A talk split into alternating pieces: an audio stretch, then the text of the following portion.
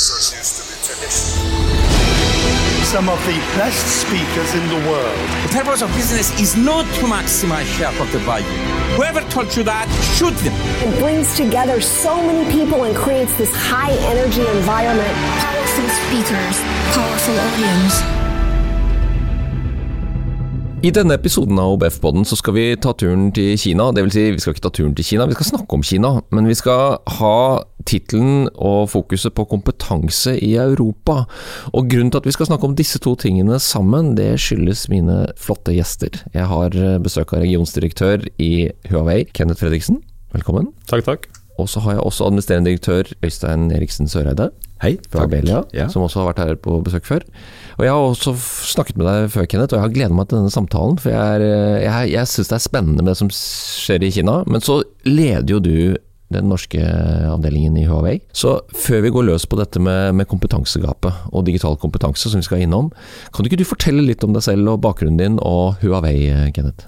Jo, jeg har jo vært i Telekom nå i ja, godt over 20 år, eh, hvorav eh, ja, ca. halvparten av de årene har vært da i Huawei.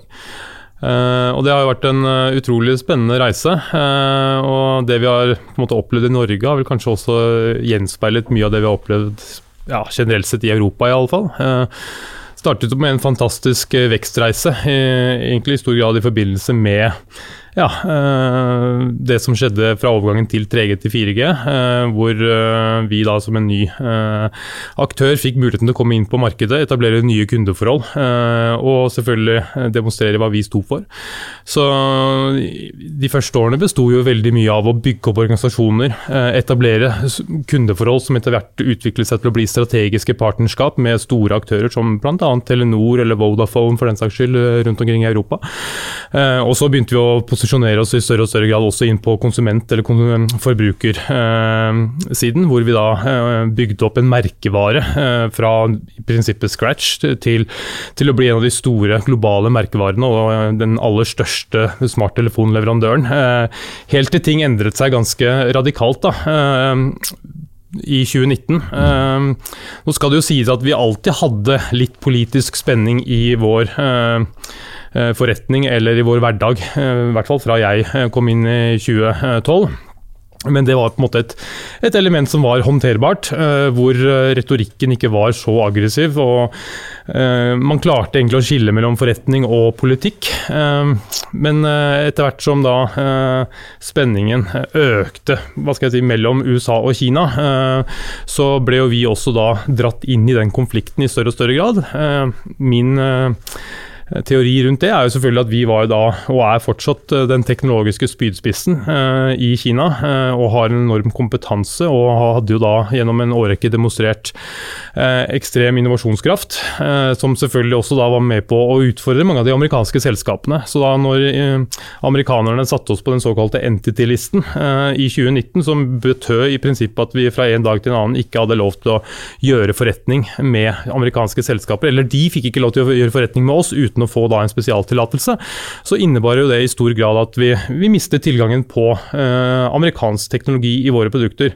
Eh, nå var ikke det et stort problem eh, for veldig, en veldig stor del av produktporteføljen vår, for vi hadde forberedt oss på det her. Eh, I 2011 så etablerte vi et, eh, en egen selvstendig eh, forskningsavdeling som vi kalte 2012 Labs, som da fikk i oppdrag å forberede seg på ethvert eh, scenario. Eh, Verdens undergang, til og med. ja, ja. 2012 er jo et symbol på verdens undergang, så det var jo, ikke, det var jo symbolikk i den eh, betegnelsen av det, den avdelingen.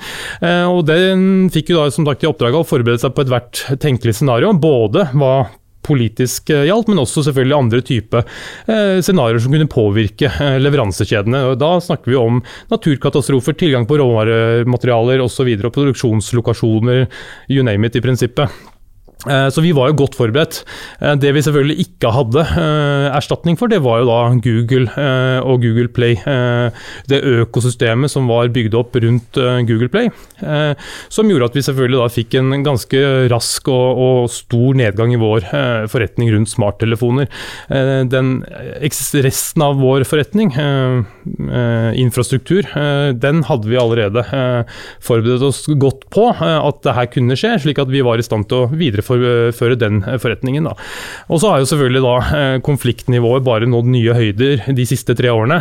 og Eh, det som da hadde vært en fantastisk vekstreise eh, i eh, syv-åtte år, ble plutselig en, en slags ja, kamp om overlevelse på mange måter. Selv om vi var et, og fortsatt er et veldig stort selskap, så ble det jo fortsatt ble, ble det da plutselig en helt annen type Eh, agenda for, eh, for, vår eh, strategi. Vi måtte eh, forsøke å, å, finne måter å overleve på, og så måtte vi selvfølgelig bruke masse energi på å imøtekomme eller å kontre den aggressive retorikken som ble rettet mot oss som selskap, eh, som da selvfølgelig var eh, forankret i skeptisk Altså det, det, at man fryktet Kina, at man hadde så på oss som en sikkerhetsrisiko osv. Så, videre.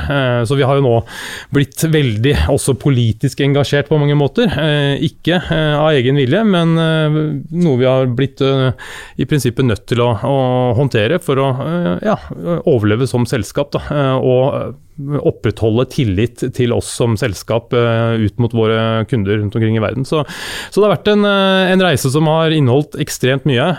Fantastisk læringsrikt. Og man har fått vært involvert i kanskje ting som man overhodet ikke trodde i, i utgangspunktet og i veldig få selskaper ville, ville fått muligheten til å ja, høste erfaringer eh, rundt. da.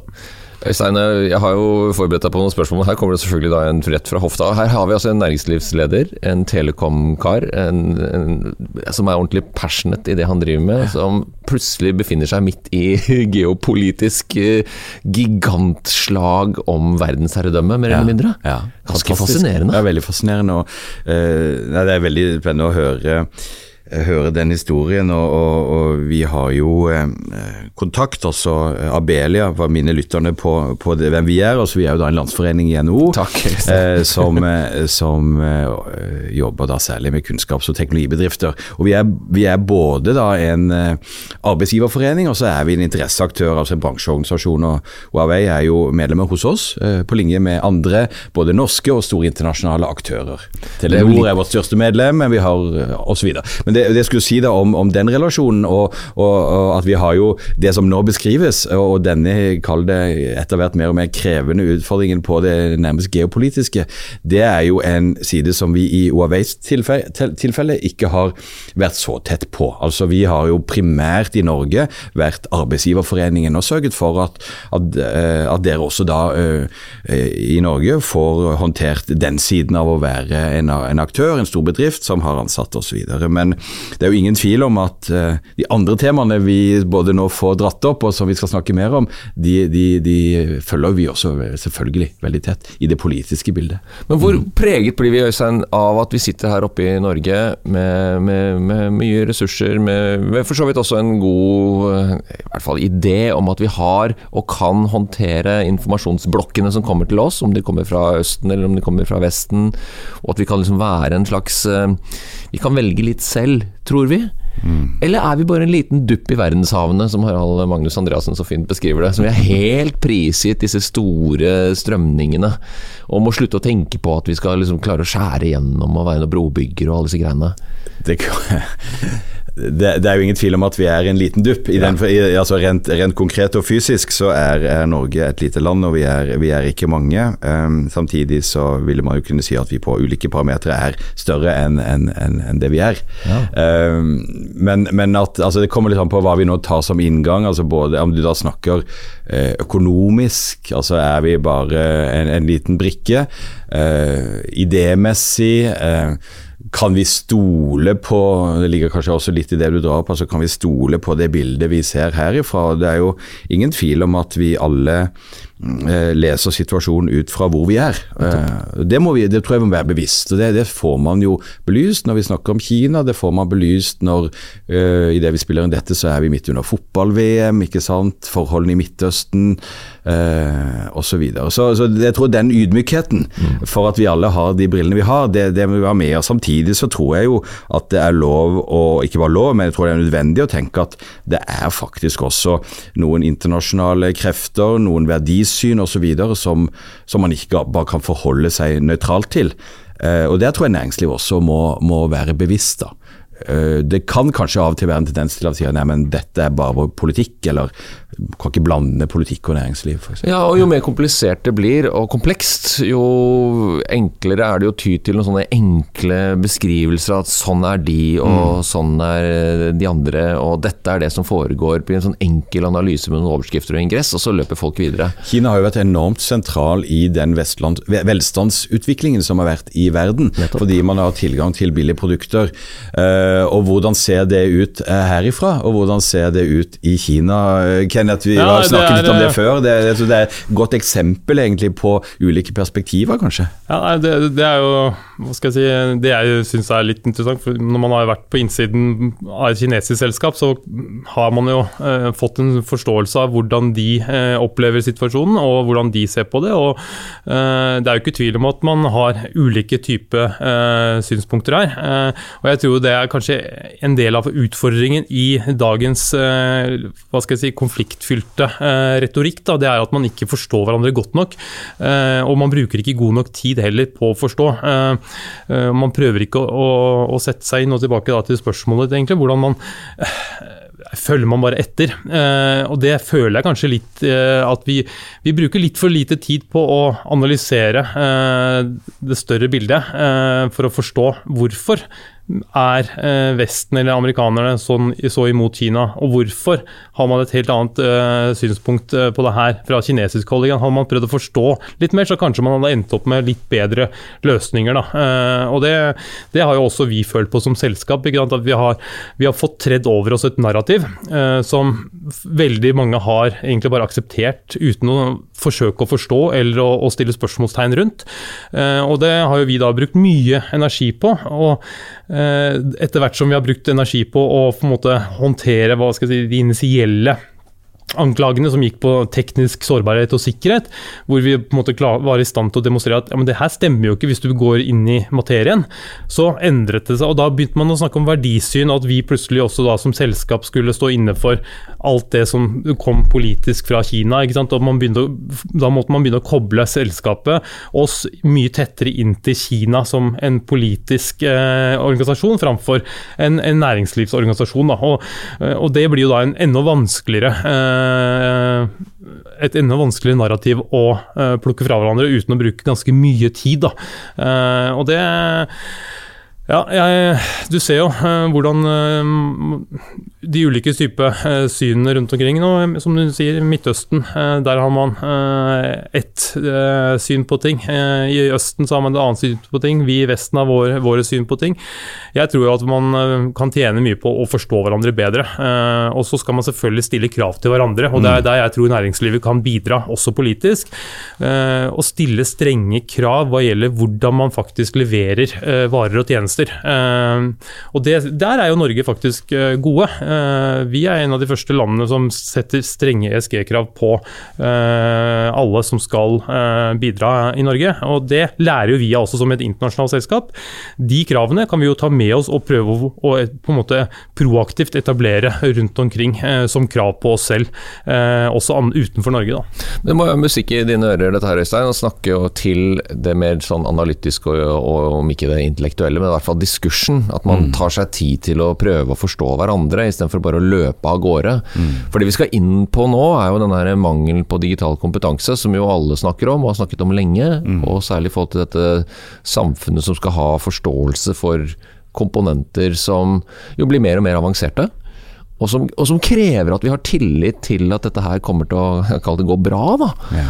Men, men du leder jo en kompetanseorganisasjon, og har vært opptatt av dette i, i lenge, vet jeg. Og, og, eh, ikke sant, selvfølgelig i vår egen organisasjon, men, men eh, som sagt så er vi jo da her på vegne av Vi har 2700 medlemsbedrifter eh, i Norge. Vi er en del av NO-fellesskapet. Og hvis du spør bedriftene i hele NHO, du kan egentlig da si hele næringslivet, hva er eh, den største eh, hindringen for vekst. Er det, hvor er det virkelig skoen trykker? Eh, så er, Man kunne tenke seg at det var kapital som kom opp som det første svaret, men det er altså da eh, mangel på kom kompetanse.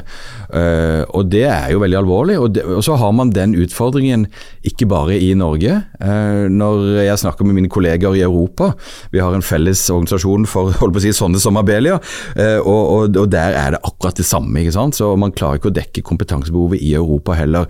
Da er du over i en situasjon selvfølgelig hvor vi snakker om et globalt tilfang av, av kompetanse. Ja, jeg tror vi må få flere studieplasser i Norge. Ja, jeg tror vi må, vi må drive mer med livslang læring. altså de Vi som er i jobb må, må, må, må lære ny teknologi og, og, anvende den. Men jeg tror ikke det er mulig å løse den kompetanseutfordringen uten også å, å, å se internasjonalt.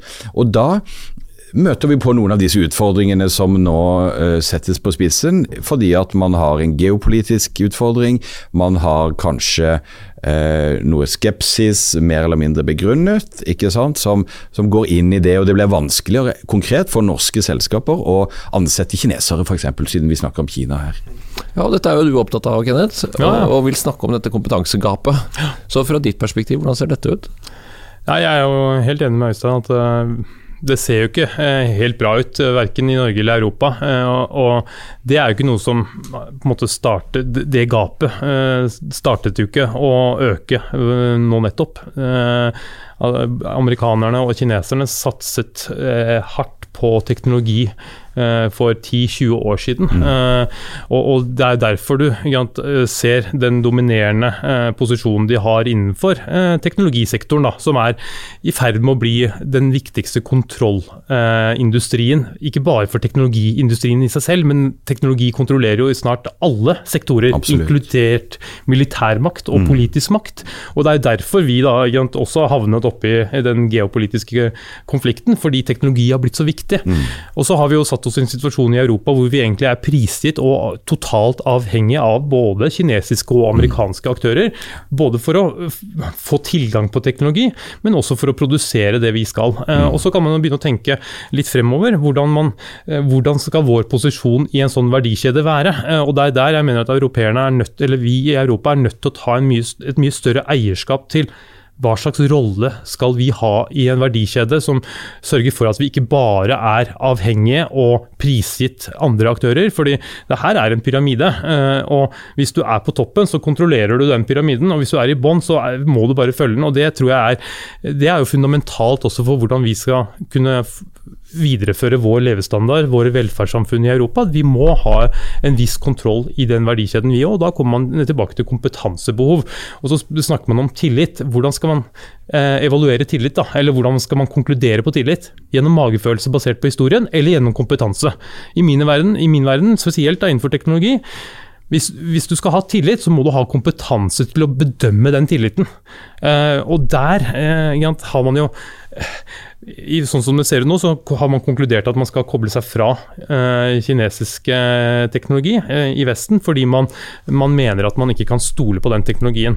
Jeg tror ikke at man er i stand til å etablere eh, en slik digital verden, og jeg tror ikke det vil løse sårbarhetsproblemene. fordi så lenge man ikke har kompetanse nok til å beskytte seg selv eh, og ta vare på egne interesser eh, teknologisk, så vil man være sårbar. Og det ser man jo også. At alle sårbarheter skjer fordi det er menneskelig svikt. og eller kompetansegap. Eh, så her er det, Kompetanse er så ekstremt viktig, og det må settes på agendaen. og Jeg tror næringslivet kan bidra uh, veldig til den uh, innsatsen som nå må gjøres. At vi kan samarbeide i større grad da, med utdannelsessektoren. Her har man jo helt klart forsømt seg i Europa, som du egentlig beskriver. Og, og, jeg tror også du har helt rett i at her må man få til et samspill mellom, mellom myndighetene, altså utdanningssektoren. må få altså ta teknologi, da. Det må bli mye mer satset på i, eh, i grunnskolen. Vi må begynne der. Vi må ha lærere som forstår disse tingene. Eh, og så må det være studieplasser eh, på, på alle, alle, deler av, av høyere utdanningsnivå. Eh, og så tror jeg kanskje også at både vi som ansatte eh, og bedriftene må investere mer i, i dette. Det er, det, det er, kanskje både for lett for den enkelte ansatte å og si at ja, men vi har det jo greit, og hvorfor skal jeg bruke tid og energi på dette? Og, og, og kanskje er det også sånn at bedriftene må si at de må nå investere noe mer i det. altså. Og kanskje hvis de kunne få noen skatteinsentiver for det. Vi har snakket om kompetansefunn i Abelia, at du får litt ref skattefunn, hvor hvis du satser på forskning, så støttes det, og tilsvarende mekanismer kunne man få på, på, på dette området. Men, men, men ting, ting, må skje, og jeg syns det er interessant også at du beskriver egentlig denne, disse tre uh, hovedaktørene globalt, og at Europa egentlig definitivt har blitt, blitt, hengende etter. Og Så skjer det vel ting nå i Europa, i regi av kommisjonen. og altså Det satses ganske massivt på å, å prøve å gjøre noe med disse tingene, uh, heldigvis. Jeg har lyst til å skyte inn en ting, for vi, Det er fort gjort at vi snakker om ting som alle er enige om. Kompetanseløft og tillit. Men det er, jo noen noe andre elementer her, med denne usikkerheten som, som vipper over i mistillit. Og det er en økende mistillit, i hvert fall i, i beskrivelser. Uh, hvis man hører på amerikansk retorikk i forhold til frykten for overvåkning og kontroll og rapportering, og at kinesiske selskaper er pålagt å levere datasett til myndighetene. Og så er man jo Jeg, har bare vært i Kina én gang, men når jeg hører om dette her social credit-systemet, så blir jeg jo Det er jo George Orwell 1984 som de har etablert, som, som rangerer innbyggerne. Og jeg hadde jo blitt bura inne, selvfølgelig, for jeg er altfor frittalende. Jeg hadde jo ikke holdt ut ei uke før noen hadde pirket meg på skulderen og sagt at du må ta det litt med ro. Du blir med hit, du. Slapp av litt. Fordi, fordi det, er jo, det er jo Vi lever nok i en sånn idé om at når vi har frihet til å uttrykke oss, og, og verner om det. Og det, det, er mange Vi har holdt på i 600 år og diskutert dette her. Og så ender vi opp med en sånn der grunnleggende mistillit mm. til de som ikke har vært med på den diskusjonen. Og det, og det gjør meg litt sånn derre Hvordan skal vi klare det? Hvordan skal vi klare å lage den broa, sånn at den kinesiske tanken kan være med på, men også da må den kinesiske tanken ta imot det vi har holdt på med. Og de kan være helt uenige, selvfølgelig, det bør de jo mange grunner til det. Opiumskrigen og handelsavtaler med, med vestlige imperier. Men hvordan skal vi få til den diskusjonen? Nei, altså du, du er jo, det er jo flere elementer eh, som du adresserer her, som er viktig mener jeg, da, å forstå litt mm, dypere. Da. Eh, det første er jo selvfølgelig at det er jo ikke slik at det er bare eh, kinesere som eh, overvåker eller henter informasjon rundt omkring i verden. Hvis man tar seg tid til å lese litt uh, fakta rundt det her, så er jo amerikanerne verdensener. Uh, soleklar verdensener på uh, informasjonsinnhenting. og så har det jo selvfølgelig vært flere og flere aktører som har etablert den kompetansen som må til for å på en måte innhente informasjon. Da. og så har jo EU forsøkt å etablere regelverk som gjør at det skal være regler for hvordan personvern og datalagring håndteres på en trygg og god måte. Og så skal aktørene som da opererer i Europa etterleve det. For å sørge for at du kan verifisere at det skjer, må du ha kompetanse. Eh, og det er ikke slik at eh, du er mer trygg om du har en, nei, en, amerikansk eh, server kontra en kinesisk server, fordi den er koblet opp på internett. Og det er jo på, i applikasjonslaget informasjonen og dataen ligger. Og så lenge de applikasjonene ikke er eh, holdt på å si, håndtert teknisk eh, godt nok av de som skal eh, håndtere dem, med kompetanse, så er den sårbare. Og det er det som, hvis man setter seg inn i å se på sårbarheter rundt omkring, så nesten alle sårbarheter av de store cyberangrepene som da har både hentet inn informasjon osv., det kommer jo fra de enkleste produktene. altså Microsoft Office-pakka f.eks. Det, det er jo uh, kilde nummer én til uh, cyberangrep.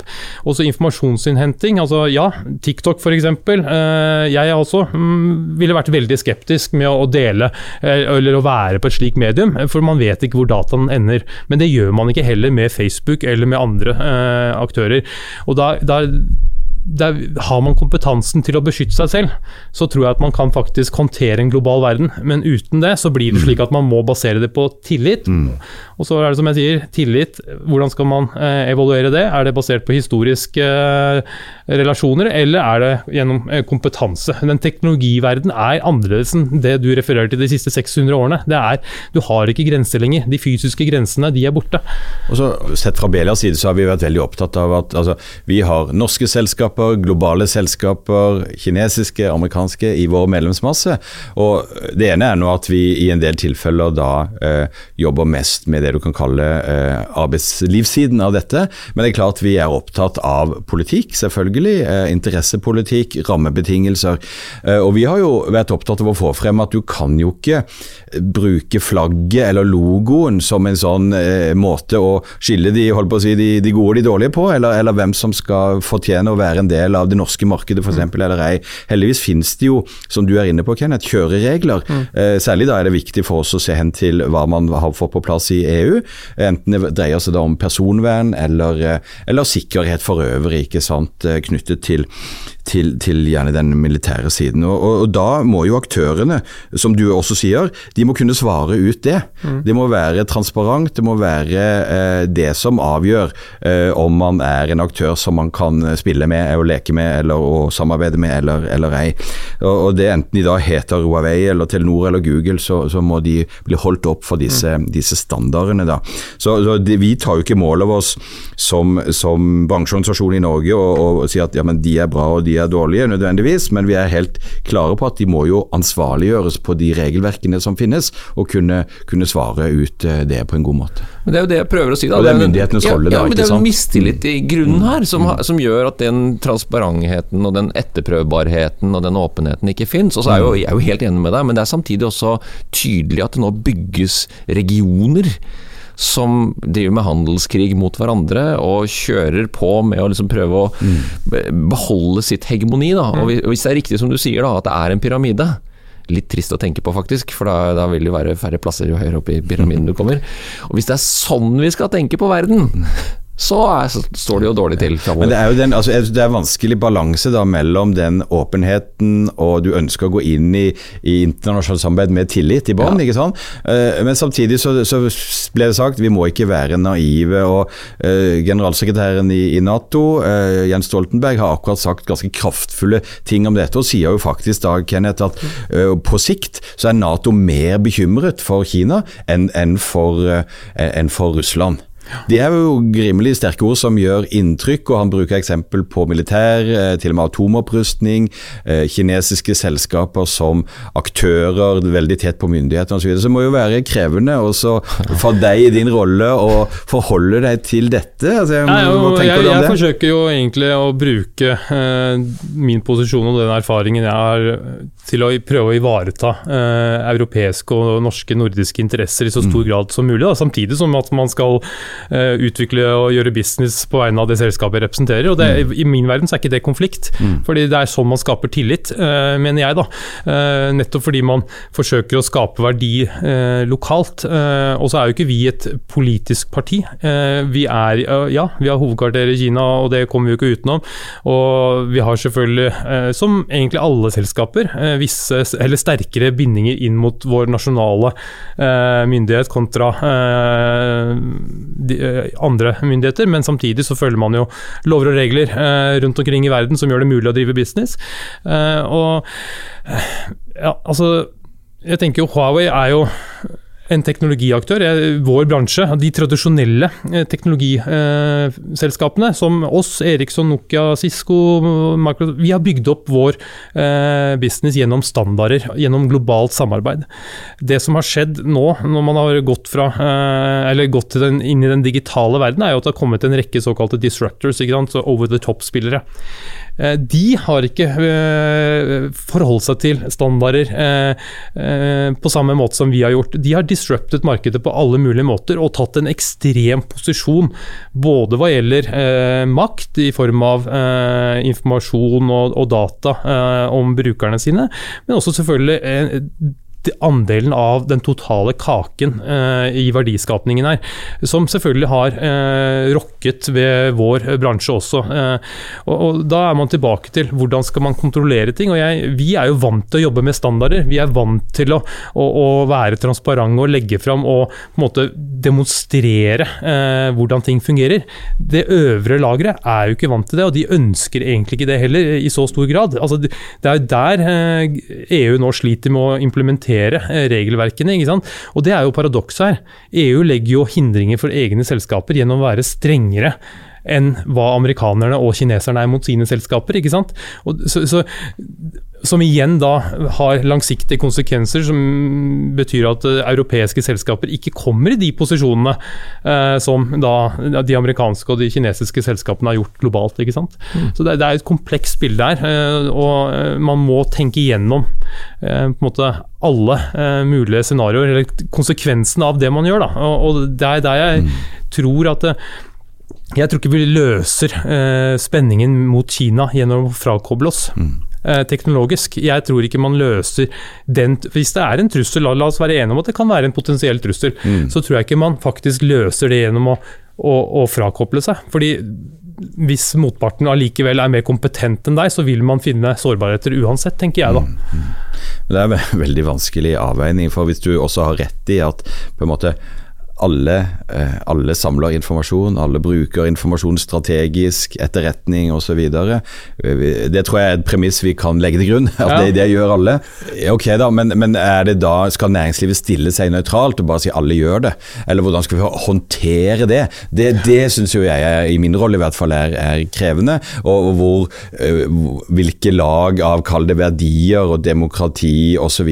kan legges på som et, på å si, et filter eller et en taksonomi for å sortere her hva som er hva, hva vi skal satse på og ikke ja, satse på. Der, der, der, har jo næringslivet en mulighet til mm. å faktisk pålegge aktører eh, retningslinjer, krav, som de må levere på. Og Det mm. er vi, og jeg tror veldig mange, tilhengere av. At man skal ha krav på seg for å kunne være en aktør. Men mm. de kravene må jo være like, tenker jeg da, på alle. Det kan ikke være basert på uh, geografisk uh, lokasjon av hovedkvarteret, om du skal slippe unna GDPR eller ikke, f.eks. Mm. Du, du, må, du må levere på det uansett om du skal uh, og Hvis man får til det, så tror jeg faktisk at næringslivet kan bidra til mm. å redusere spenningsnivået, men også da trussel, de ulike trusselscenarioene. Fordi da øker man kompetansen.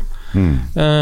til å beskytte seg selv, og det er det det dreier seg om. ikke sant? Og du skal være en del av et globalt samarbeid, men samtidig må du ivareta din egen posisjon eh, og sikre din egen posisjon. Og Data er selvfølgelig et av de viktige eh, kontrollpunktene her. og Man må da eh, sørge for at man kan ivareta sin egen data på best mulig og tryggest mulig måte. Da. Kompetanse, hvis jeg får lov, så Kompetansegapet som vi da også snakker om, det er jo den store utfordringen. og vi skulle jo, for å sette litt på spissen, skulle vi jo gjerne kunnet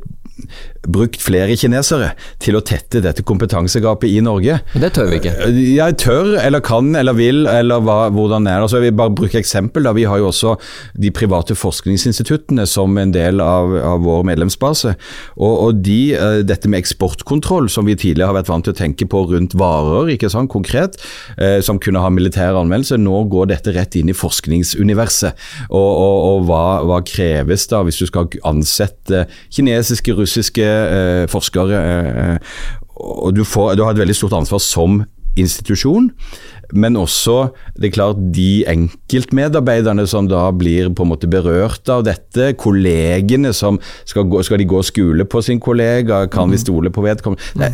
Dette er veldig vanskelig, og jeg tror på en måte kanskje det må være vanskelig. Jeg tror det er naturlig at man har sett, satt fokus på dette, men, men, men i et sånn kompetanseperspektiv så er jo dette, dette også stor, en stor utfordring, faktisk. Og det er fri flyt av kompetanse mellom landene. Det er jeg helt enig i, eh, men jeg, ikke, jeg mener ikke at vi skal begrense antall kinesere eller russere eh, på våre universiteter av av den type bekymring. Eh, det kan godt være en bekymring, det òg, men det, skal, det, bør jo være primært fordi vi, vi må sikres til at det er europeere som tar doktorgrader, professorater osv. Altså, jeg hadde et mm. møte med en, eh, en, rektor på et universitet i, eh, ja, i Skandinavia nå nylig, og han forteller meg jo at 90% av doktorgradene i Europa tas av ikke-europeere.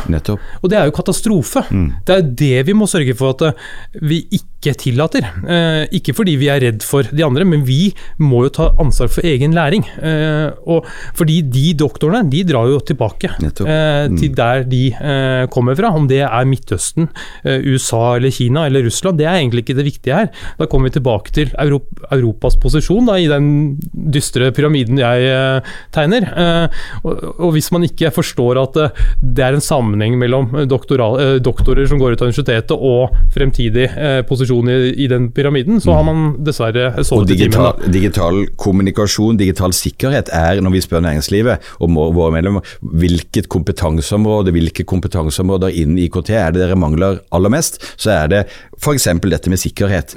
Og Da sier det seg selv også at vi må jo satse mye mer på å få øh, flere gjennom, øh, også på de høyere nivåene i, i studieløpet. Ja, og det, kunne, Vi kunne holdt på med dette i timevis, for at den, den, sårbarheten som all sånn omstilling kommer med altså Vi er jo i en omstilling av arbeidslivet. Det er alltid omstilling i arbeidslivet, men det er noen krefter som, mm. som gjør at vi må få opp farten ikke bare å være konsument, men kanskje påvirke den utviklingen. Mm. Og finne vår plass, nærmest. Det, ved bordet eller ved i pyramiden, eller hvordan man definerer det. Og jeg syns det er veldig fint at vi snakker om at vi må snakke sammen. Kanskje lytte litt mer enn når vi blir ivrige til å fortelle verden eller motparten hvordan vi ser det. Mm. Vi vet jo også at når det er frykt, altså når det er uro, så har man behov for enkle beskrivelser. Og nå er det jo mye frykt. Det ser vi jo med, med opprustningen og, og kamphandlingene i, rundt omkring i verden. Det, den kalde krigen har jo blitt varm en del steder. Og, og vi ser flere enkle svar mange steder, og det er farlig, ikke sant? Ja, det blir jo den populismen. Og ja. da synes jeg det er viktig at vi også snakker om at ja, hva, vi snakker om kompetanse, men mm. kompetanse skal jo oftest anvendes. Ja. Skal jo bruke det i en eller annen sammenheng. Ja. Og der tror jeg det er mange som føler seg litt sånn ja, jeg er ikke flink nok til dette, jeg blir utfordret på, mm. på forståelsen og anvendelsen også av teknologi teknologiske muligheter, men også teknologiske muligheter som kan rasjonalisere bort arbeidsroller og oppgaver. Mm. Og så skal, er det enkeltindividet eller enkeltsjefens oppgave å sørge for en med kompetanse på doktorgradsnivå som for så vidt jeg kunne snakket lenge om, er ikke, det er ikke sikkert det er det vi skal. Mm. For den doktoranden er jo lært opp i noe som skjedde for 50-15 år siden, i mange tilfeller. Så det er også viktig å få med seg det arbeidslivet, finne de der samarbeidskonstellasjonene, mm. som for meg nå virker det som vanskeligere enn noen gang virker det som. da. Men der har du et uh, veldig viktig poeng, da, uh, som også er blitt mye mer relevant rundt uh, kompetanse, altså i teknologisammenheng. fordi ting endrer seg så raskt. Mm. Så jeg tror også næringslivet kan gå inn i seg selv litt, og kanskje ikke være så opptatt av bachelor- og mastergrader. Men altså, et tre måneders AI-kurs tar deg ganske langt på vei. Du kan utrette ganske mye med, med den kompetansen. Ja. Og når du først har en basiskompetanse og en forståelse av ting, så baller det ofte på seg øh, i mm. positiv retning. Eh, og da tenker jeg at la oss heller begynne å, hyre inn den type folk da, som har tre-seks måneders eh, kursing i ulike typer spisskompetanser innenfor teknologiområder. Ja, og jeg tror Absolutt, og jeg tror i hvert fall det må være eh, eh, god vektlegging av, av, begge deler, for å si det sånn. fordi at og Vi har sett gjennom pandemien hvor eh, flinke mange av utdanningsinstitusjonene har vært til å snu seg rundt og tilby nettopp mm. kortere programmer og andre ting som, som kan være med å, å gi et løft. Uh, og det, det, det, er jeg helt enig i at det må også satses på, uh, og kan ofte bli raskere anvendt, selvfølgelig. Så, så ja, begge deler. Vi, vi, tror vi lider av mastersyke i Norge, det gjør vi faktisk ikke ifølge vårt omstillingsbarometer. de, fleste, de, fleste, land i Europa i hvert fall har mange flere, uh, større andel med, med master og, og doktorgrad. Men, men, det er noe så det, vi, vi, kan, vi, kan, vi, kan, ikke stille det mot hverandre heller, tror jeg. Nei, det er så rart Altså, det skal, liksom, det skal legitimere at ja, vi har en mastersyke. Ja, men mm. de som velger å ta en master, fint for ja, de, da. Altså, de lærer jo noe, de lærer noen verktøy som gjør at de kan løse oppgaver på en annen måte. Ja, so what? Mm. Hvorfor skal det være så viktig å henge en merkelapp mm. på at noen har valgt å ta utdannelse? Som om det skal liksom være en, en, en sånn vi og dem-greie når det gjelder hvilken kunnskap har du lyst til å prøve å tilegne deg? Det er merkelig. Det preger altså. ikke det samfunnet i mange, på mange områder? At man skal sette folk i bås og, ja, det er vi og dem. janteloven Ja, ja altså, men det er, jo litt sånn, det er jo litt synd, for vi burde jo gjøre det motsatte. Ja. Og åpne mer opp og finne flere løp, og f.eks. det å kunne komme fra en holdt på å si, fagbakgrunn, eh, kall det gjerne fagskole, eller, eller, eller det, men også da kunne gå inn i akademisk, eh, et akademisk løp, eller et, et, høyere utdanningsløp, hvis du vil det. Altså Disse tingene er for rigide også i det norske systemet, i hvert fall. Så vi må, det er noen som har snakket om at vi må få flere eh, dok, eh, doktorander med, med, Eller elektrikere må bli doktorer, for å si det sånn. altså Satt veldig på spissen. Vi må, vi må klare å, å gjøre dette mer fleksibelt. og kort sagt så trenger vi kompetanse holdt på å si, uansett hvor den kommer fra. Ja, og Vi skal snart gå inn for landing, men en, en, jeg vet ikke om det er en fun fact, men jeg ble jo veldig inspirert når jeg leste om historien om Huawei. Det eies jo av de ansatte, visste du det Øystein? Det er over 100 000 ansatte i Huawei. Hva er det 120 000 eller noe sånt? Du har ja, mer oversikt over det? Kanskje enda flere? Eiere er over 100 000, men totalt har vi nesten 200 000 ansatte. Ja, Og har gjort en vanvittig vanvittig snuoperasjon etter dette, disse charterne som kom fra Amerika, og er nå bl.a. ledende innen solcelleteknologi og parker. Ja, eller vil si solenergiløsninger av batterier og omformere til, eh, til solenergiindustrien. Det er også inn i den norske sjømatnæringen, er det ikke det? Med spennende ting? Eh, ja, vi har hatt et veldig spennende prosjekt da, som inkluderer da teknologi, selvfølgelig. Eh, hvor vi har nå kjørt en pilot oppe i Berlevåg, i en lakseelv som i likhet med de fleste andre lakseelver i Norge nå har et problem med pukkellaks. Eh, det var jo da et eh, jeger- og fiskelag som allerede hadde et kamera i elven eh, når vi tok kontakt i 2020. Men da satt de jo manuelt og så på denne skjermen egentlig 24-7 da, for å finne ut av hva slags fisk som kom opp eh, vassdraget. Da er du ivrig, altså. eh, og det, det, eneste man kunne gjøre, var jo bare å konkludere med at ok, nå kom det en pukkellaks. Men det vi gjorde, det var jo da å koble AI-teknologi til det kameraet eh, som satt der, med en, i samarbeid med Simula, faktisk. Norsk selskap som da utviklet AI-applikasjonen. første året så sto egentlig bare kamera og fora den applikasjonen applikasjonen, slik at vi lærte den opp til å gjenkjenne da, de ulike typer fiskeartene. Eh, I år så etablerte vi da eh, en port som fisken måtte gå igjennom, eh, hvor den da automatisk sjalter ut uønsket og ønsket fisk, slik at den uønskede, da primært pukkellaksen og også oppdrettslaks, blir stoppet helt i munningen av elven, slik at kun da villaksen får lov til å komme videre opp. Og så varsles det da at nå er tanken i, vann, i elven, altså vi sørget også for at eh, tanken har en tilstrømming av ferskvann, slik at eh, fisken eh, ikke dør. Eh, men eh, henter man den ut fort nok, så er jo pukkellaks en fantastisk matressurs. slik at da lokale fiskere bare De fikk et varsel og plukket ut pukkellaksen. Så, ja. så, nå har man et, en fullt fungerende løsning som kan i, i prinsippet løse pukkellaksproblematikken. Det koster selvfølgelig penger, men, men det illustrerer jo det digitalisering dreier seg om. Mm samarbeid. Fordi det er ingen aktører som klarer å levere en ende-til-ende-løsning. Eller det dreier seg om initiativ, det dreier seg om samarbeid med både lokale og globale aktører. Vårt bidrag sånn konkret i, den, i det prosjektet, det var en server mm. som er god på å analysere eh, ulike typer objekter. Og så handler det om å løse viktige, faktisk, viktige ja. samfunnsutfordringer ved hjelp av teknologi. Teknologien er ikke mål i seg selv, men vi, vi, har noen missions, vi har noen utfordringer, vi har noen problemer som skal løses. Ja. og det der er jo et veldig på en måte konkret og, og spesifikt eksempel, men, men en viktig, ja. veldig viktig nok. Uh, Vi involverte jo da Trolltech, da, et uh, Bodø-selskap, til å utvikle uh, den fysiske installasjonen i elven. Slik at det her var jo et samarbeid da med norske selskaper, og ikke minst da lokal, lokalt engasjement i form av det lokale fiskelaget i Berlevåg.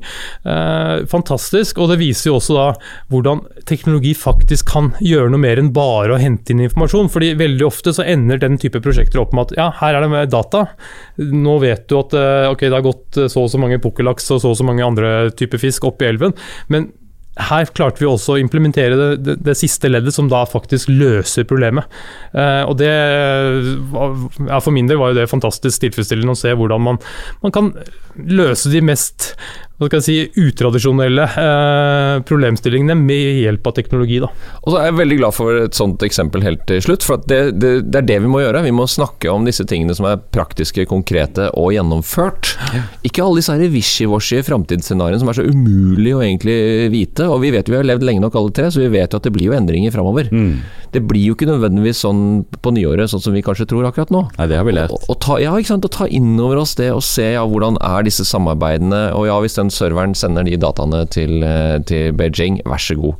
Den pukkellaksdataen skal, den skal vi by på, altså, Kenneth. Det, så ja, rause skal vi være.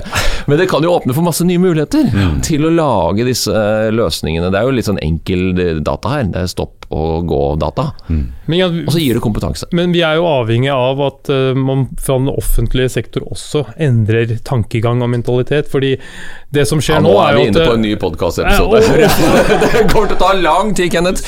Vi kan gjerne ønske oss det, men det, det, det må de ville. Nei, men Nå tenkte jeg mer på eh, å implementere løsninger som er tilgjengelige. Det, da er det ikke alltid to års opphandlingstid er, er ideelt, for å si det sånn. Jeg hører hva du sier, og det finnes noen individer der ute som gjerne vil. eh, Men vi er enige, vi tre, om at eh, næringslivet kan gjøre ting. Det kan hende at vi skal fokusere enda litt mer på sånn low, low-tech eh, gjennomføring, og så lære derfra. For når vi lærte å sykle, vet dere, eller svømme, så var jo det ut ifra å prøve og feile. Og sånn er det jo med teknologi også. Hvis vi, hvis vi drister oss til å være litt mer sånn prøvende og undrende, og ikke minst snakke med folk, så er det ikke sikkert det blir så vanskelig.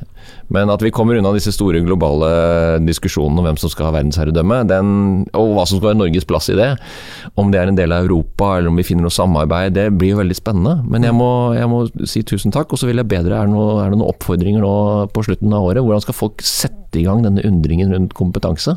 For vi får ikke fylt opp med titusener av eh, høy, høykompetente mennesker som har lyst til å bli nordmenn eh, sånn over natta, i hvert fall. Hvor begynner vi hen, Kenneth? Nei, jeg tror jo kanskje at man Hver og en av oss, da. Ja, nei, men akkurat det. Ta ansvar for egen læring. Eh, og på en måte forstå at eh, spesielt innenfor teknologifaget så er det en kontinuerlig prosess da, som i prinsippet aldri stopper. Eh, og der skal selvfølgelig selskaper, altså næringslivet, gjøre det de kan for å tilrettelegge for at selvlæring eh, faktisk er enkelt. Eh, og, og da eh, fòre på med, med kurs og den type ting eh, på en enklest mulig måte.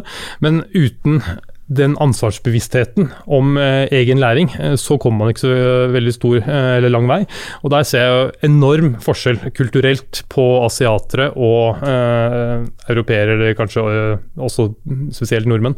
Vi er ikke like gode, eh, for å si det enkelt. Eh, og der tenker jeg Det er en kulturendring som må til også. Eh, forståelsen av viktigheten for, eh, for egen kompetanse. Veldig bra så oppsummert. Vil du legge til noe her, Øystein? egentlig bare bygge på det og si at altså bruk, la oss bruke nysgjerrigheten. Selv, selv de av oss som er, er voksne, godt voksne til og med, så altså, utnytt den, lær noe nytt. Eh, det går an å sette seg litt inn, skjønne litt mer hva er nå AI, hva er nå IOT, hva er disse tingene som svever rundt. Det, det finnes jo tilgjengelig der ute. Bruke litt YouTube eller andre kanaler for å, for å lære noe nytt i, i julen, hvis det var det du tenkte på. Så hvis det er noen politikere der ute, så kan jo de tenke på hvordan de på nyåret også kan, kan gjøre noe konkret da, med å tette dette kompetansegapet, for det, det treng, trenger vi virkelig. altså. Så kommer de bare til å rope på forskning. Eh, Men dette var helt strålende. Eh, Takk for eh, praten, regiondirektør i Huawei, Kenneth Fredriksen, administrerende direktør i Abelia, Øystein Eriksen Søreide. Takk for praten. Takk, takk. Hvis du likte denne podkasten, hadde vi satt utrolig stor pris på om du abonnerte og gir oss en tilbakemelding i avspilleren. Some of the best speakers in the world. The purpose of business is not to maximize shareholder value. Whoever told you that, shoot them. It brings together so many people and creates this high energy environment. Powerful speakers, powerful audience.